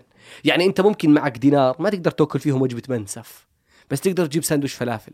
بس حتى وإن كان تقدر تجيب ساندويش فلافل نظيف. صح؟ مم. بس انت ما قدرت تجيب المنسف أبو سبع ليرات بس قدرت تجيب السندويشة وعلى الجهتين أنت أكلت. أنا نفس الفكرة أقول لك تعال أخذ في إيدك وأدلك على بس على معالم التربية الصحيحة مع أبنائكم. أنا ما قلت إني أنا جبت شيء جديد ابدا. عشان هيك حطيت 30 مرجع في آخر الكتاب. مو مو links. وطلعت هذه القصاصات أنا أعطيك إشارة. أنا أعطيك إشارات على الطريق. اعمل هيك واعمل هيك وسوي هيك وسوي هيك. كذا. الآن الحشوة والتفاصيل. ممكن نلتقي مع خبير؟ لا. ممكن أنت تحتاج تقول آه والله صح. طب آه التربيه تسمين. شو قصده بالتربية تسمين؟ آه من أنا قاعد في الخليج 30 سنة احول لهم بالآلاف وعملت لهم عمارتين ثلاث وعشر مخازن. مزبوط طيب. بس أنا بعد 30 سنة في غربة عنهم. إذا أنا سمنتهم ولم أربيهم. سم... ما... ما ابدا. حطيتهم مدرسة قسطها 10000 دينار في السنة. على الولد ممتاز. وراح الولد وراح واجا وأجا. آخر السنة وإن الولد متحرش جنسيا ولا كذا ولا متنمر ولا كذا. طب انت دفعت 10000 مزبوط. أنت دفعت لمدرسة ل uniform دفعت لمواصلات دفعت لأستاذ متكتك دفعت لمكان ما تنضرب ما ينضرب ابنك فيه. ولكنك لم تدفع من أجل أن تبني قيم وأخلاق. قيم والأخلاق جدلي ما بين البيت والأسرة. طبعا أنا ما راح اقدم لك وسهل صف الحكي ترى يعني وخاصه واحد مثلي شغلته الحكي فقاعد أنا أقعد قدام اللابتوب وأكتب أجي على صبية من هالبنات اللي قاعدات ولا الشباب أقول له فرغ لي محاضراتي على اليوتيوب يا طارق. يفرغ لي إياهم في ألف صفحة يطلع وأجيبهم واظبطهم أنا واديهم مدقق لغوي وأحط اسمي وأقول لك يلا كتاب ألف صفحة. انظر خبرة. لا لا ما قلت ما أنا أول حكي حكيت لك على ال social media. حكيت لك الناس بدها هيك. أنا أعطيك. وأدبها طول القتال فطرفه يشير إليها من بعيد فتفهموا يعطيها إشارة من قد ما صارت علاقته فيها كويسة. هيك علاقتنا مع أولادنا. ما تعرف حدا من قرايبك لما يرفع التليفون على ابنه يلا يا حبيبي صارت الساعة 8 مساء سكروا PlayStation روحوا ناموا. يسكروا ال PlayStation ويروحوا يناموا. واحد يكون قاعد معهم بالدار ويحطوا حالهم في الفراش ومسك ال PlayStation جوا الحرام. ما الفرق بينهما؟ واحد اشتغل واحد اشتغل ثقة بينهم. ألو؟ آه يلا حاضر. ثقة. نبنيها. صف الحكي سهل. أي حد يقدر يعني. التأليف هو. لكن أنا مشكلتي وين؟ أن أنا أعطيك إشارات. لازم أعطيك إشارات نعم. هذا رأيي. طب الناتج العلمي أو النتاج العلمي للشخص مش يقاس بما كتب أكثر مما حكى؟ مين مين يحدد هذا الشيء يعني أكثر وأقل إذا أنت بدك تعطيني دليل. هيك المشهور. من. قال ذلك؟ نحن يمكن من المشهور. يعني هيك العرف. لك على أشياء مشهورة وعرف كمان نفوت خلينا أورطك. لا. ما في ما في شيء اسمه مشهور وعرف. في شيء اسمه المعرفة ظلت مشافهة حتى اختراع الطباعه ما ظلت معرفة مشافهة حتى وسط الطباعة إذا الأصل في المعرفة إنها مشافهة. القرآن كيف تم تلقيته؟ مشافهة. جميل. اذا تأثيره شو اللي كان أكثر؟ ابدا ما له علاقة. بس قديش العبارة مدروسة ونقدر ننقلها وندير بالنا عليها. وال social media الآن دار اليوتيوب دار نشر جديدة يا رجل. دار نشر اسمها اليوتيوب. يفتح لك مجال. المعول على شغلك على الرك قديش تقدر تشتغل. يا سيدي تعال أنا وياك على جوجل. على اليوتيوب مم. حط موضوعين نفس الموضوع. بالعربي وبالإنجليزي. شوف الفرق. أنا لما بدي أحضر لحلقه ولا لقاء ولا مقابلة غير هاي طبعا لأنه هاي أنا ما كنتش داري أنا وش جاي أصلا.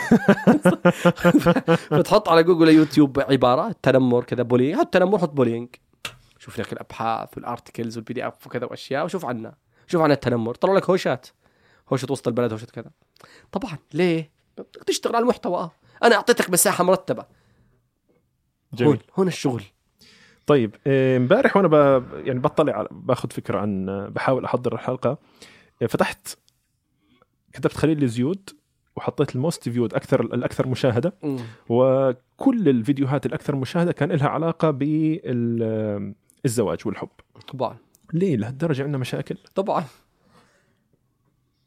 طبعا. مش لأنه عندنا مشاكل برضو إنه في حاجة. يعني لحن أول مجتمعات ولا آخر مجتمعات بتتزوج بتحب؟ طيب شو دخل؟ بس إحنا ما نعرف نحب ولا نعرف نتزوج.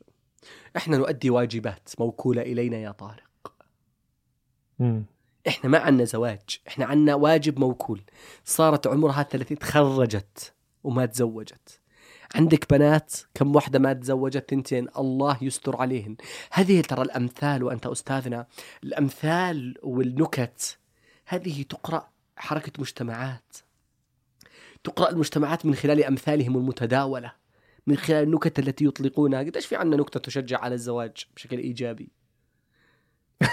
شكرا. بس يكفيني هي الضحكة. إحنا عندنا أمثلة بس نقدرش نحكيها على الهواء بعدين هاي مصايب بتصير علينا. كلها plus 18 نقدرش نحكيها. آه نعم. بالضبط هاي الفكرة. فأنت طبعا الناس عطشانة تسمع. ماذا لديه هل يقول لنا شيء جديد غير نعرفه؟ لما أقول الزواج ليس هدف الزواج مرحلة. إذا لم يكن ما بعد الزواج أفضل مما قبل الزواج فلا قيمة للزواج. تنتشر هذه العبارة. صح. لأنه الزواج تحصيل حاصل. الزواج لدينا هدف. أنت عايش عشان تتزوج. وتتزوج عشان تنجب. وتنجب عشان يقولوا أبو فلان. وبعد ذلك مش شغلك.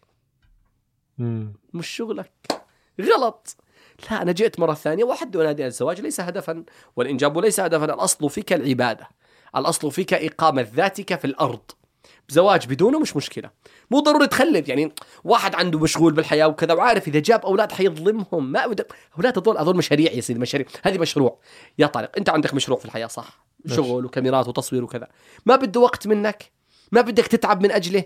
تخيل قعدت أنت أسبوع ما تساوي شيء لا ترد على اتصالات الناس اللي تحكي معك من خارج الأردن وداخله ولا شيء ابدا. بس فاتح التلفزيون وتتفرج لك على فيلمين ثلاثة ما لهم علاقة حتى بشغلك وتوكت بزر بعد أسبوع هل تتوقع حيبقى الزخم وشغلك زي ما كان؟ أسبوع حطيت راسك ونمت نفس الفكرة. إحنا نتعامل مع الإنجاب ما هو لازم يخلف. عشان ما يقولوا عنه مو زلمة. يعني مش لازم يخلف ولا لازم يتزوج؟ لا مو لازم مو لازم. لازم يعيش بني آدم طبيعي. اجى حدا معي اركب معنا. أنا أحب هذه هذه الآية. اركب معنا. أنا جهزت سفينتي في الحياة وجهزت حياتي في الحياة. لأن تجي واحدة إيش؟ تشاركني البناء. البناء. مش تشدني لورا ولا يشدها لورا. تشاركني البناء. فإذا جاءت تضع يدها بيد يعني تخيل أنت قاعد تفرط في الزيتون. ومر واحد من جيرانكم يا أبو فلان حط إيدك معنا. أي والله وتناول عصا وصار يخبط. طير الحبة هناك وكسر الأغصان. هذا شو سوى؟ خرب الدنيا. وهذا نفس الشيء جبتها معك. بغض النظر قد قد تكون أنت السبب في المشكلة يعني مو شرط هي تماما بس اجت خربت الدنيا معك لأنك أنت لم تختار صح أو هي اختارت الشخص الخطأ.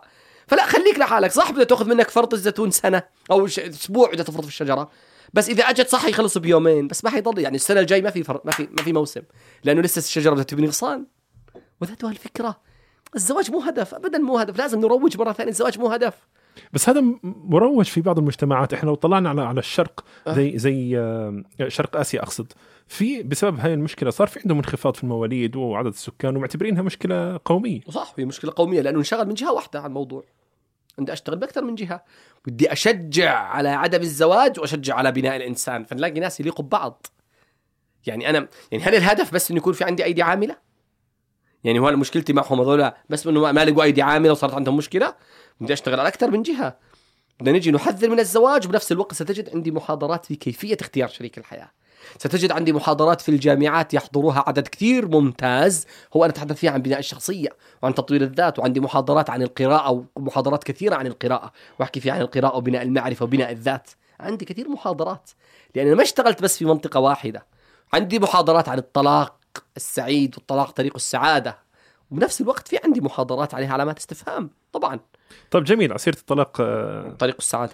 آه. طريق السعادة. مم. آه، أحد الأصدقاء كان في عنده مشاكل بينه وبين زوجته. نعم. آه، فتطورت المشاكل وزوجته حكت له أنا بدي أروح عند خليل الزيوت. نعم. آه، بعد هيك بعد فترة جلس مع صديق له وبحكي له أنا زوجتي اختارت إنها تروح عند خليل الزيوت. نعم. فصديقه بحكي له اوعك تخليها تروح ولا حينخرب بيتك. نعم. بعد أيام وإذ بهم تطلقوا. نعم. شو شو عم بصير؟ وين السؤال؟ أنا اللي بسألك يعني. لا أنت ما تسألني. أنا أنت بسالك ذكرت قصة. في ممتاز. هاي القصة خذها كنموذج تكرر أكثر من مرة. صح.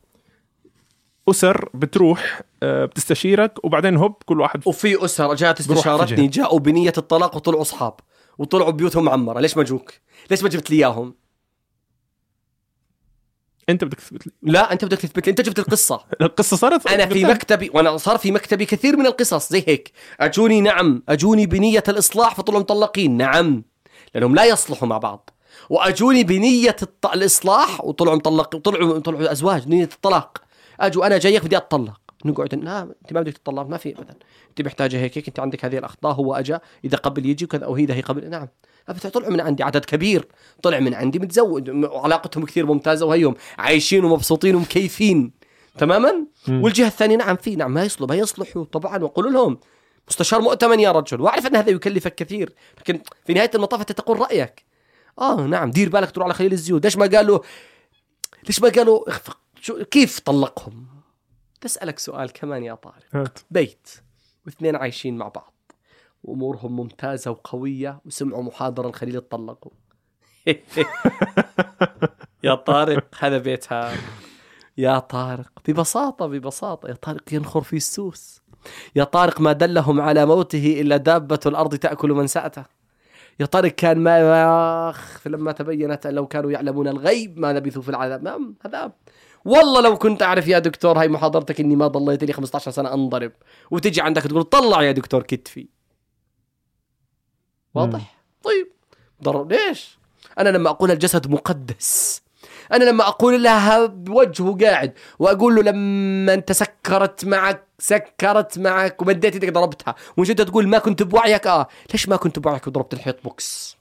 لما قفزت من الطابق الثالث مش أنت مش بوعيك؟ شو يعني مش بوعي؟ يعني أنا أقبس كل مرة يسكر دماغك تضربها. يعني ما شاء الله هالدماغ اللي يسكر وضل مفتوح خلية الضرب.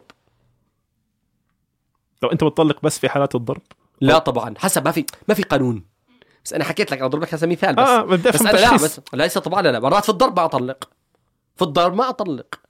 لأنه يكون الظروف المحيطة في القضية كلها يعني في في في تفاصيل. لذلك ما في شيء اسمه فتاوى تربوية على الهواء الاسريه هذه أنا ضدها. ما في شيء اسمه أقعد وأسمع واحد يسولف أقول له آه لا. لذلك كنت على احد الفضائيات الشهيرة. مستحيل كانوا يجيبوا يعملوا اتصالات. أجاوب جواب عام ومباشرة أقول لهم خذ التليفون من الجاليري يلا. طبعا ما يزبط. بس أجاوب جواب عام يزبط. يعني يعني شو ما سمع يعني بشكل عام.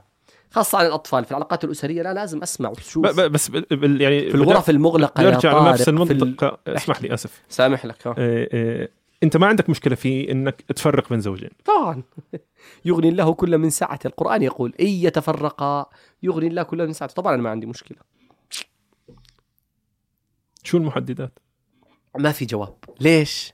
لأنه كل حالة. تعرف بعض الإجابات لا بعض الحالات اللي تجيني متطابقة 100% هذول أقول اتطلقوا وهذول أقول إياكم. في الغرف المغلقة يا طارق ما يقال عبر الإعلام وفي جلسات الشباب والبنات يختلف اختلاف كلي. سيبك. هذا الحكي اللي نقول والبكائيات التي نقولها في المحاكم ولا في قعدات الأصدقاء ولا عند أهلها وعند أهله هذا إشي لما يجوا عندي وأسكر الباب في غرفة الاستشارة ويبدأ كل واحد يدلي بدلوه والقلم بإيدي وأنا أخربش وأسألهم أسئلة مفصلية وأرجعهم وأخلهم يتناقضوا في كلامهم. الدنيا مختلفة. لا يا طارق مم. لا يا طارق. الدنيا مخ... طبعا. عشان هيك تقولي ما المحددات. غلط ما يقدر حد يعطيك محددات. أنا ما أتعامل مع كاميرا. كبسة قلت لي قبل شوية لما تكبس اكبس. كبست. طلع الضوء الأحمر دكتور طلع الضوء الأحمر. كمل. صح؟ صح. بس في هذا ما في. ألو دكتور بس عندي اثنين. ما أقدر أقول لك طلقهم. ما أقدر أقول لك. تقعد ونس ذلك يزعلوا لما على الواتساب مثلا ولا على الماسنجر يبعثوا لك وما تجاوب شايف حالك بدك تجيني على المكتب عشان ندفع مصاري كذا؟ كويس. في شيء أهم عشان أقدر أجاوبك. تعرف العبارة أعمية. مرات أنا أكون أكتب أبعث لطارق إشي مثلا تماما؟ أبعث لك قضية معينة. تقرأها أنت شيء مزاج معين تقرأها إشي. نفس الإشي لما أكتب. أنا أكتب نصوص والله يقرئوني بعض الناس بعض النصوص اللي أنا باعثها في الاستشارات ذات زمان لما كنت مجنون. وأجاوب غبي أجاوب على الواتساب وماسنجر شو هذا؟ معقول أنا مجاوب إيه شو هالغباء هذا؟ أنا أجاوب هيك. طب لو أرجع أقرأ النص اللي هو حكى كتبه ثلاث أربع مرات يطلع معي ست سبع أجوبة. لا غلط غلط غلط غلط غلط. استشارات إلكترونية عموميات سولف. أشياء عامة أكتب. واحكي على الفضائيات واحكي على الهواء. نعم. بس بدك تطلق حكم تطلق حكم على حالة بعينها لازم تلتقيهم. ساعة ستين دقيقة عند الاستشارة. مم. وأنا طبعا ومرات يحجزوا ساعة وساعتين وثلاث. مرات يقول روحوا ارجعوا لي. مرات يقول ترى أنا ما قلت لكم شيء لساتنا بدنا نشتغل. وما يرجعوا يرجعوا مع أحرار طبعا ما يزبط. طيب أنا فرضا في عائلة أنا فرضا صد- صديق أو آه، آه، أقارب أو غيره. أنا شايف إنه في مشاكل تمام؟ لكن الطرفين مرتاحين. مم. هل لازم أنكش المشاكل وأقول لهم ترى على فكرة هذا الأسلوب مش مزبوط وفي أسلوب ثاني؟ مين أنت؟ أنا أنا ب- كطارق. لا. كطارق ما تتدخل كمختص نعم. ليش؟ لأنه يعرف كيف يقرأ المشكلة. زي تخصصك يا طارق في المونتاج ولا كذا. أنت تشوف في واحد يعمل حركة معينة على الجهاز تخليه. لأنه أنت عارف إنه يشتغل غلط بس هو حيروح للصح. للكومن سنس اللي عندك هذا. لا يعني حتى لو بدي ادلهم عليك إيه؟ على- مختص. إذا هيك طبعا. آه، أنا شفتي ه- فرق أنا هذا قصدي آه, لا آه. أنت شوف لا أنت ما قلت لي هيك. أنت قلت لي كالآتي لو أنا قلت لهم في طريقة ثانية أو في لا. تقول لهم والله أنا حاسس لو تراجعوا خبير ممكن يكون أحسن. ممتاز هذا سؤالي. آه. نعم. هل لازم أنكش؟ لازم أنكش؟ مش تنكش. إذا ما انعرض الموضوع لا تنكش. آه أنا قصدي ما انعرض. أنا ما انعرض. لا لا لا ما تبادر. ما أبادر. لا تبادر لا ابدا. أترك كل شيء زي ما هو. ابدا. نعم لا تبادر بس إذا حسيت إنه في مشكلة ومش عارفين شو يساووا دلهم على الخبير ما تتدخل. يعني ما تفتي. لا لا مش حفتي بس. بس آه. حب... آه, آه. إذا أمة أجا يعني لجأوا لك مثلا لا. والله في مشاكل وكذا أقول لهم والله أنا أعرف واحد اسمه خليل الزيود. مو غيره دير بالك كل هالقعدة معك واخر شيء تروح تدور لغيرنا. طيب. مرة ثانية أترك المشكلة نفس ما هي؟ استنى شوية أنت قلت لي أشياء بسيطة يعني- ماشي الأمور. صرت طارق أنا ما تلعبش بالكلام. لا لا مش مش عم بلعب في عم الكلام. تلعب في الكلام. أنا بدي أعرف قديش كم مستوى ما في كم. مسؤولية المجتمع. ما هو مسؤولية المجتمع إنه حسب. تجاه- اثنين منسجمين مع بعض وكذا والمشاكل معهم قادرين يتعايشوا معها. خلص تتركهم يعني لو إنه لو هم بخبطوا في بعض عادي. لا كيف يعني خبطوا ببعض مثلا أنا شايف إنه الزوج بضرب زوجته. أي نعم. ممتاز؟ هون مشكلة واضحة. طبعا. هل لازم انكش آه، لازم. آه لازم. بس بشرط يكون يقبل منك النصيحة. آه آه ماشي. يعني هذا شرطنا الأول. تكون أنت عندهم محبب. فأنت لو نصحتهم هيعرفوا أنها نصيحة محب. حتى لو هي راضية وهو راضي. طبعا. لأنه مرات يرضى الواحد على جهل. يعني مرات تعتقد أنها تنضرب لأنه هو عصبي. وهو ما بده يخضع لبرنامج إدارة غضب. مم. فتولع. لا. مرات ننصحهم نقول لا غلط هذا ما يصير تنضربي. في أثر على الاولاد وفي أثر عليك وفي كذا. هذا حتى على المستوى الفكري. أنا يعني طبعاً. عشان أوسع السؤال أكثر آه. أنا شايف إنه في مثلا آه، بيوت قائمة على أفكار مش مزبوطه صح. هل لازم أنكش هاي الأخ... الأفكار؟ نعم. حتى لو لها أساس ديني نعم. سابق حتى لو كان. طبعا لازم تنقش وكان عمرهم وصل 50 و60 سنه إن شاء الله 70 سنة لازم تنقش طبعا. ما في حدا عاصي على التغيير لو 80 سنة عمره. مم. ما في عمر للتغيير. جميل. متفق. ما في شو اسمه والله تغيير وصعب وس- لا 80 سنة. وتقدر تبين له وين أخطأ يقدر وبده يغير حيغير. جميل. لا طبعا ما في عمر. 90 آه يغير. ما في إشكال. عقائد غيرت على أعمار مسنين. عقائد يعني شو يعني عقائد؟ يعني تلعب منطقة كثير صعبة. هذا يرتبط فيها المشاعر والسلوك والأفكار. جديلة وتغيرت. هلا هي الفكرة مش في النتيجة. نتيجة التغيير هي الفكرة ب ب بالأثر اللي حيترتب الهزه القويه بالضبط اللي ما في. إشكال. هذه الهزه جزء مهم. فجأة اكتشف إنه 60 سنة عايشهم غلط ما في مشكلة. طب- يصلح يومين. يراجع بس يعمل مراجعات صادقة بينه وبين حاله بدون ما يواجه الناس فيها. مم. صح؟ بس يعترف. إحنا مشكلتنا بس انه يعترفوا إنهم أخطأوا. تمام. آه بس يعترف إنه يقول غلطت بس نقول اللي هسه نقول لهم ترى ديروا بالكم كمان 10 سنين تعترفوا. آه. من هسه انتبهوا. آه يا قلبي. تمام تمام يا سيدي. طيب. ليش ليش إحنا يمكن طرقنا لهذا هذا الشيء خلال الحديث بس أنا احب أتوسع فيه لا أكثر ابدا هات. أم، ليش فجأة صار في يمكن جيلنا هو هذا الموضوع متعلق فيه أكثر صار في عنده تمرد بحيث آه، صرنا نشوف موضوع آه، الطلاق أكثر آه، الإلحاد أكثر فك الحجاب أكثر هذا هذا الشكل من أشكال التمرد ما كانش موجود يمكن قبل عشر سنوات إذا بدي ما عنديش دراسة طبعا بس ما كانش موجود قبل عشر سنوات بالكم اللي موجود فيه الآن. مم. وعي. بس مجرد زيادة وعي؟ نعم وعي وعي مراجعة الأخطاء. بس مو عارفين كيف يتعاملوا إحنا ما تعاملنا كي تعلمنا كيف نتعامل مع أخطائنا. يعني بنت بسيارتها على الصحراوي بنشر العجل. وقفت. تصير تبكي. لا تملك إلا هذا السلاح. واحدة ثانية وقفت طلعت بنشر مسكت التليفون رنت على الشرطة وإنه أنا بنت وحيدة وهينا على الصحراوي وكذا إذا في حدا منكم ممكن يجي. في بنت وقفت على طرف الشارع وصارت تلوح لمين؟ للناس الرايحين والجايين. في وحدة شمرت وفكت السبير. وبدلته لأقرب كزية بعدين قالت له عمو هيك وفات تغسل؟ شو الفرق بينهم الأربعة؟ كل واحد تصرف بطريقة بناء على ما تعلمت. بالضبط. بس. وهذا نفس الفكرة. في واحد لما واجهته أسئلة وشكوك كفر. قال لك ما في الله. في واحدة لما واجهتها شكوك وأدلة وقرأت في الموضوع وجدت أنه ما في شيء اسمه حجاب فشلحته في واحد لما واجهته شكوك كذا راح قرأ زيادة وناقش زيادة. وفي واحدة لما شافت أنه ما في أدلة على الحجاب راحت ناقشت بالعكس وراحت على ناس موثوقين من وجهة نظرها بفكرة ضد فكرة عفوا. بفكرة ضد فكرة إحنا لعبنا هون. إحنا ندور على المختلفين معنا مو المتفقين. غلط إحنا مشكلتنا ندور على اللي يشبهونا. شباب الاتجاه لما يفوتوا الجامعة يدوروا على شباب الاتجاه. بنات الاتجاه بنات الاتجاه. شباب الفتح مع شباب فتح. شباب كذا مع شباب كذا. جماعة الشعبيه مع جماعة الشعبيه الإخوان مع الإخوان. الشباب العشائر مع العشائر. كذا. غلط. هذا. أكبر غلط. لازم نتوزع. وأكبر مشكلة لما تصير في شروط ضمن التنظيم سواء كان يساري أو يميني أو وسط لازم يكون الزواج من بعضهم. يعني ما يصير بنات شو اسمه لا ياخذوا من بنات الجزء غلط. هذا شفت؟ مم. هذا التك... هذا ال... غلط. غلط. لذلك أول فكرة لازم نعلم الناس كيف يتعرف على على ضده. الأضداد هم اللي يصنعوا التغيير. شوف أي دولة من الدول تحقق مستوى عالي من الرفاه الأمني هي الدول اللي فيها تنوع عرقي. نستقرأ أنا وياك التاريخ ونستقرأ أنا وياك الواقع الجغرافيا.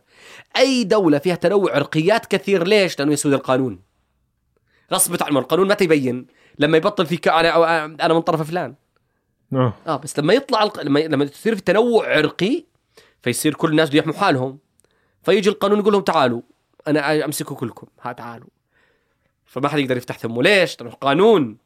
لأنه كلهم متضررين من موضوع الفزعة. لأنه كل مجموعة لها زلمها ولها قدرتها. فيقولوا لا تعالوا بما أنه ما كنا زين نذبح ببعض نساوي قانون يضبط الجميع. فكلما تنوعت الأعراق وتداخلت مع بعض يبقى إيش؟ القانون هو الفيصل. جميل. بس لما تكون في أغلبية وأقلية كارثة. جميل. أغلبية وأقلية مرات الأقلية هي تكون حاكمة والأغلبية هي تكون مساحة. فيصير هنا في زي صراعات قوى قانون يرتفع خلاص يشيل الكل. عشان هيك الجيل بده نعم في تفلت نعم. ليش؟ لأنه قديش أنا أعطيته أدوات كيف يستخدم إذا ما يصير معه مشكلة. بنشر البنشر. بنشر فكريا نفس البنشرت ما حسيت بنشرت فكريا في موضوع الحجاب. اليوم كنت على التلفزيون العربي أسولف عن عمليات التجميل المراهقين ومن الكلام اللي أنا قلته هذا الموضوع. تحدثت عن فكرة إنه الشاب يصطدم بصورة مذي... مشهور أو بنت تصطدم بصورة مغنية. انظروا إليها قبل عمليات التجميل. إيه وانها تشبهها. إن اذا أنا لو أساوي عملية تجميل أصير زيها. بس لو تعلمت الثقة بالنفس واحترامها لجسدها وإنه أنا هيك والله هيك خلقني وكذا وتصالحت لرأت أن ذلك جمال نقطة آخر السطر. أو حرية شخصية. سبي هذا الشيء بس بس ما يأثر علينا. إحنا مشكلتنا التقمص هذا اللي بدي اعيش أدوار الآخرين. النطنطة على التخصصات. مشكلة. نطنطة بس انت نطيت من التربية الخاصة للشرط الأسرية لا إحنا جوا جو. أنا جوا جو أنا عندي مادة في التربية الخاصة اسمها مبادئ إرشاد نفسي وتربوي. مم. هذه المادة أنا كنت مبدع فيها عند الدكتورة فاطمة العدوان في الجامعة الأردنية. فدرستها وأحببت المادة من أجلها. المادة حبيتها من أجل المادة. أوعك يا طارق. فأبدعت فيها بفضل الله. نعم. شفت؟ هيك. ما ما طلعت خارج الجو. السياسة ما أثرت على على هذول الناس أو الخيارات السياسية أو الصدمات السياسية اللي تعرضوا طبعا. لها طبعا صدمات سياسيه ضربات فكريه والقدوة إذا الموضوع القدوة هذا لحاله بده منا قاعدة تشليخ شعر.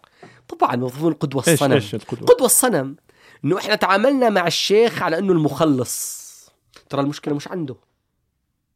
مم. المشكلة عنا. هو طبيعي واحد يحضر في مدرج يحضر له 10000 20000 100000 طبيعي. فلازم هذول يتعلموا يتعلموا تماما إنه هذا مو إله. إنه هذا شكرا على ما قدم في هذه الساعة. لا أكثر ولا أقل. بس المشكلة مش بس دينية. أنا ضربت لك مثال. سياسية. نفس الشيء عادي. بس بدك تعلم الناس إنه البدائل فن البدائل شيء كثير مهم. مم. إنه في كثير ناس يسقطوا. يسقط أمامك. شو بدك تساوي؟ نعم لذلك تجربتي مع محمد سعيد رمضان البوطي تجربة شخصية. وحكيت هذا في أكثر من مكان. اللي هو إيش؟ لما يعني وقف مع النظام السوري وكذا فانا انصدمت. ليش؟ وخشيت في الحيط ولعنته وكنت بدي أجمع كتبه وأحرقهم وأصورهم. وما قدرت ما أنا كنت أستحي أشتري كتبه لهيبة مقامي عندي. ما أقدر. أوه. أنا أشتري تحليل الحكم العطائية. والله أربع مجلدات لون أخضر أو خمسة. ما قدرت رحت اشتريتهم. ما بدي ادفع في هذا يدفع في فلوس. ضليت أقرأ في مكتبة الجامعة الأردنية ورجع الرف هيبة. حتى سقط النصيف ولم ترد إسقاطه. هيك. بس أنا شو قلت؟ قلت يا جماعة الخير التجربة الشخصية معه. تعلمت بعدها مم. أي واحد يطلع علينا يقول سويت مراجعات؟ شكرا في حدودك لكن أنا لما كنت أسمعك كنت أفلتر كل كلمة تقولها. كل واحد. ما أقدر ما سقطت كما سقطت عند ال- ال- البوطي. والويه؟ لأن هذا كان بالنسبة إلي المخلص. البوطي. واحد يا زلمة كان يستحي الناس تقبل يده. استغفر الله مين أنا عند نفسي عشان الناس تقبل يدي؟ هيك هذا الجو. طب هذا هذا نفاق؟ إيش هو النفاق؟ من طرفه؟ ما أعرف. ما أعرف. نفاق هذا قلب. نفاق هذه نية. يعني أنا كيف بدي أعرف إنه هذا اللي قدامي بتصرف بصدق؟ لا يعنيك. لا يعنيني. ابدا. لا أوف. يعنيك. دخلني أنا في نيات الناس؟ صدقك وكذبك عند ربنا. أنا مالي علاقة فيه. كويس؟ ماشي. مش شغلي. أنا شغلي هل المادة التي أنت تقدمها منيحة؟ تفيدني ولا لا تفيدني؟ إذا تفيدني أخذها. حنين بن إسحاق أيام المأمون كان رئيس دار الحكمة نقل الدنيا إلى العربية يا طارق. الدنيا نقلها للغه العربية. ومسيحي. أنا أخذ المادة التي نقلها وما لي علاقة بمسيحيته. لازم نتعلم هيك. لازم نعلم الجيل هيك. لازم نفصل نقصقص الناس. يعني وين عندك شيء منيح؟ بعدين أتركك بدون مصادرة. ما يزبط إذا أنا لازم أقتنع بكل شيء تقوله. يعني خليل في الأسرة اسمعوا أنا يبسطوني هذول. والله يا طارق والله أنا هذول أحترمهم أيوه. جدا. اللي يقولوا خليل لما يحكي في الأسرة والتربية خذوا منه لما يجيب سيرة الدين سيبكم منه. شكرا. شك... آه شكرا. شكرا. طيب. أنا أحترم ذلك. ليش؟ لأنك أنت ما صادرتني. ما في إنسان X يا رجل ما في إنسان يا في طريقك إلى الله أنت محتاج للشيطان يا طارق.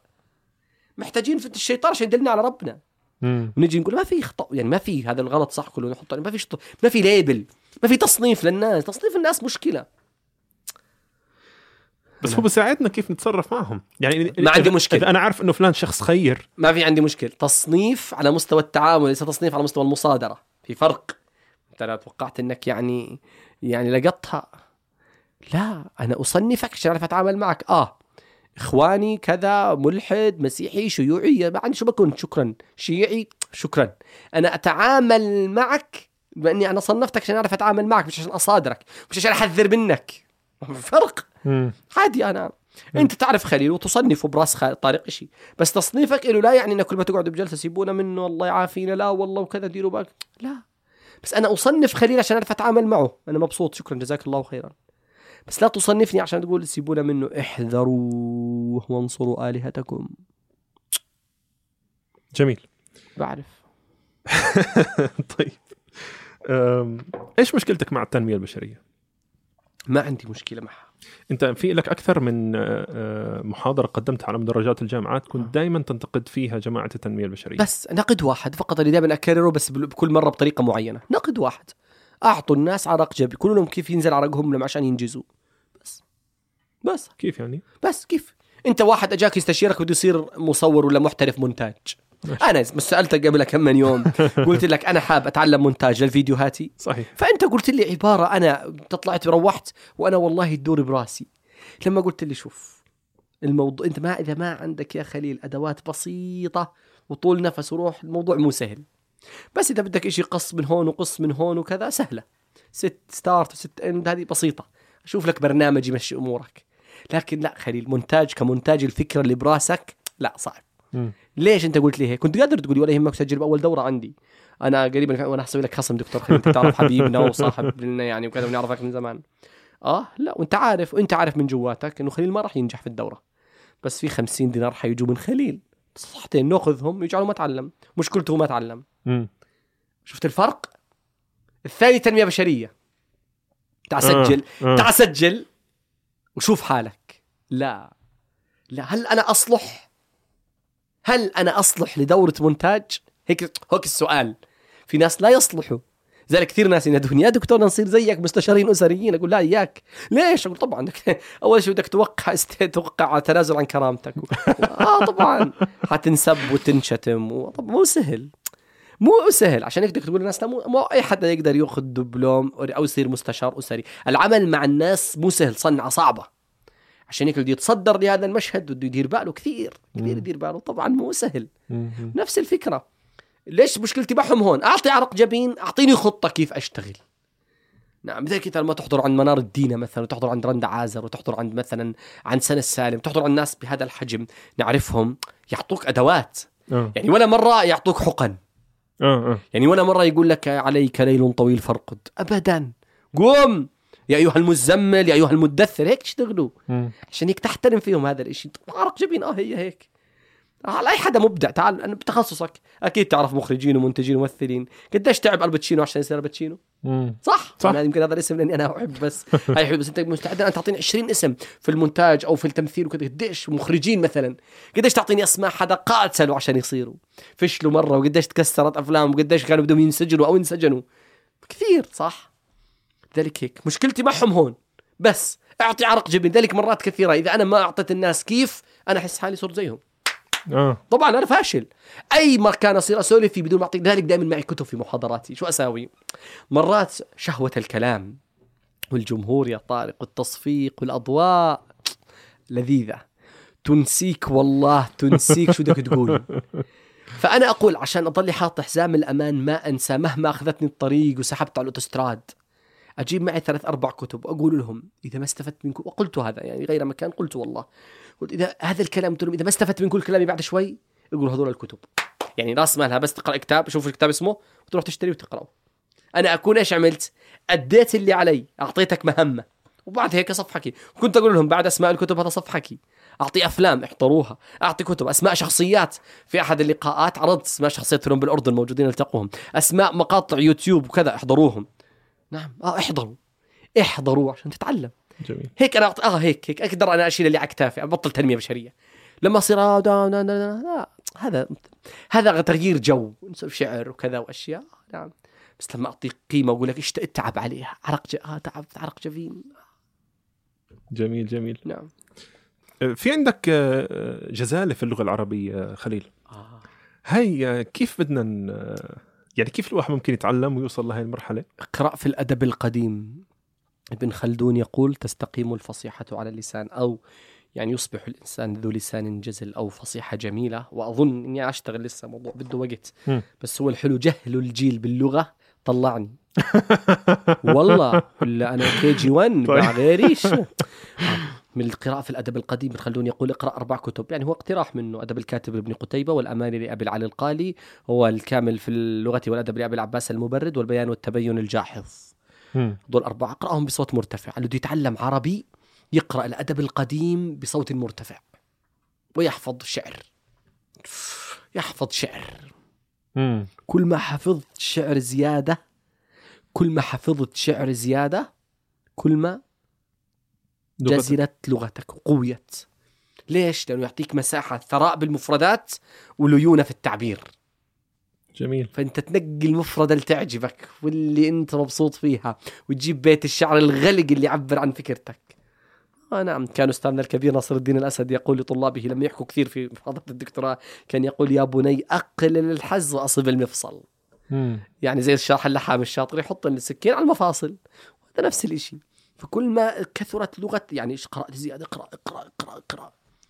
قراءة ما في شيء يصنعك كالقراءة. بالأدب القديم الشعر أحفظ من العقد الفريد.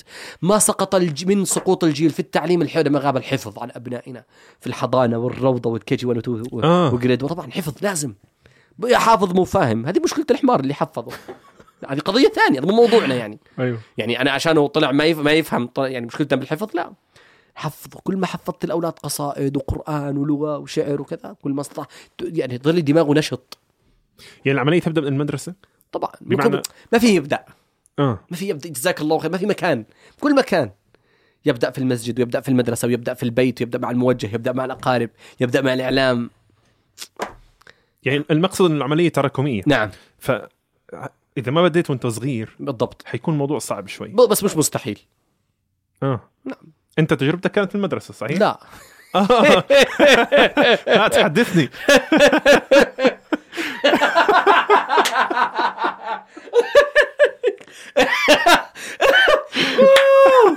أنا والذي خلقك. أفشل مرحلة. أعوذ بالله من الشيطان الرجيم. احكي لي احكي لي.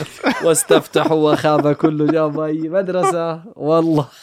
والله ما حطمني إلا المدرسة. أوف أوف. أعوذ بالله. يلعنها من تجربة.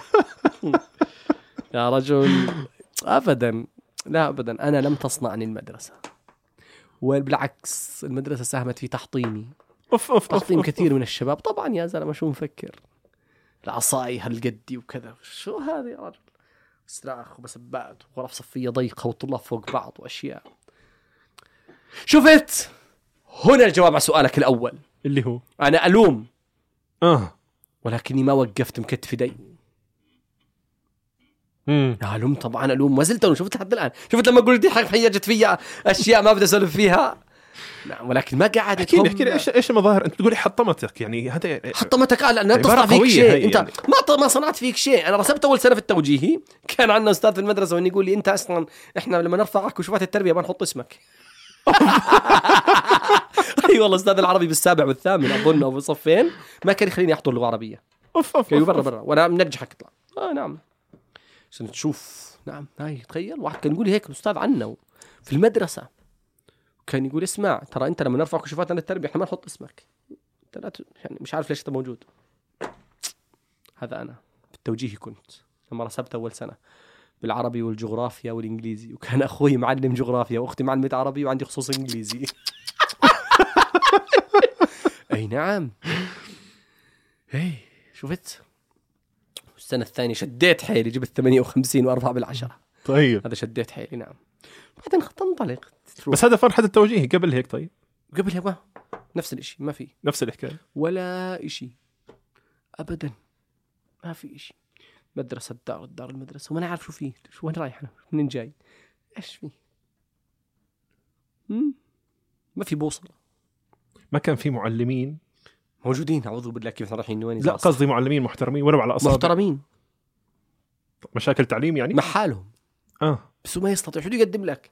هو لا يملك رؤية بالألف الممدودة ولا بالتاء المربوطة. نعم ما عنده خلص هذا عنده هاي بضاعتهم يعطيك هالحصة ويروح. أي نعم خلصت المدرسة وأنا ايد ورا وايد قدام خلصت التوجيهي وأنا ما أدري شو فيه. ثم؟ بعدين خلصت انتقل رحت درست اشتغلت عامل نظافة في مصنع بالهشمية التلهوني عامل نظافة زبال اشتغلت فيه أظن سنتين عشان ألم مصاري. نعم واشتغلت على الضاغطة في أمانة عمان هذا اللي يكون اثنين راكبين ورا تلم فوطوا عشان أقدر ادرس وفعلت ذلك يعني. صنعت نفسي وأقرأ وقرات قراءة. ما في شيء ينقذك كالقراءة. طبعا أنا لا أنكر أن هنالك توفيق من الله ببر الوالدين. يعني أنا لا أنكر هذه الجوانب ال- ال- ال- الجميلة ولكن بدها عرق جبين. تعب طبعا. درست واشتغلت وقرأت وعملت دبلوم بعدين جسرت بكالوريوس بعدين ماجستير بعدين الدكتوراه بعدين قعدت معك. هذا هيا الشرف. العظيم يعني. يسعدك آه هي هيك. هي هيك الفكرة. قراءة ذلك نقول الجيل اقرا ما في ما في شراء عليك يعني. يعني لا ت... يعني لوموهم. آه يعني أنا ما هيني لومتك المدرسة ولا ما لومتك؟ حتى أنت تفاجأت. يعني آه تمام. كل هذا بدأته متأخر. كله بدأته متأخر. طيب على سيرة توفيق الوالدين هل صحيح إنه خليل ما قبل رحمة الله عليه وفاة والدك؟ آه. مختلف عن خليل ما بعد وفاة والده. طبعا. طبعا. أوف.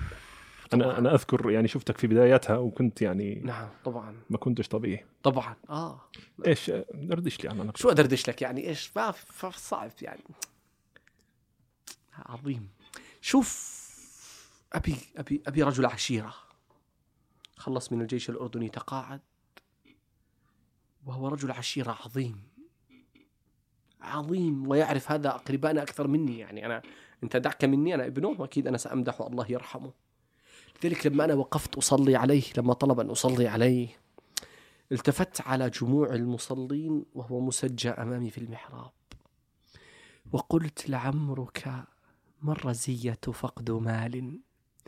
ولا شاة تموت ولا بعير.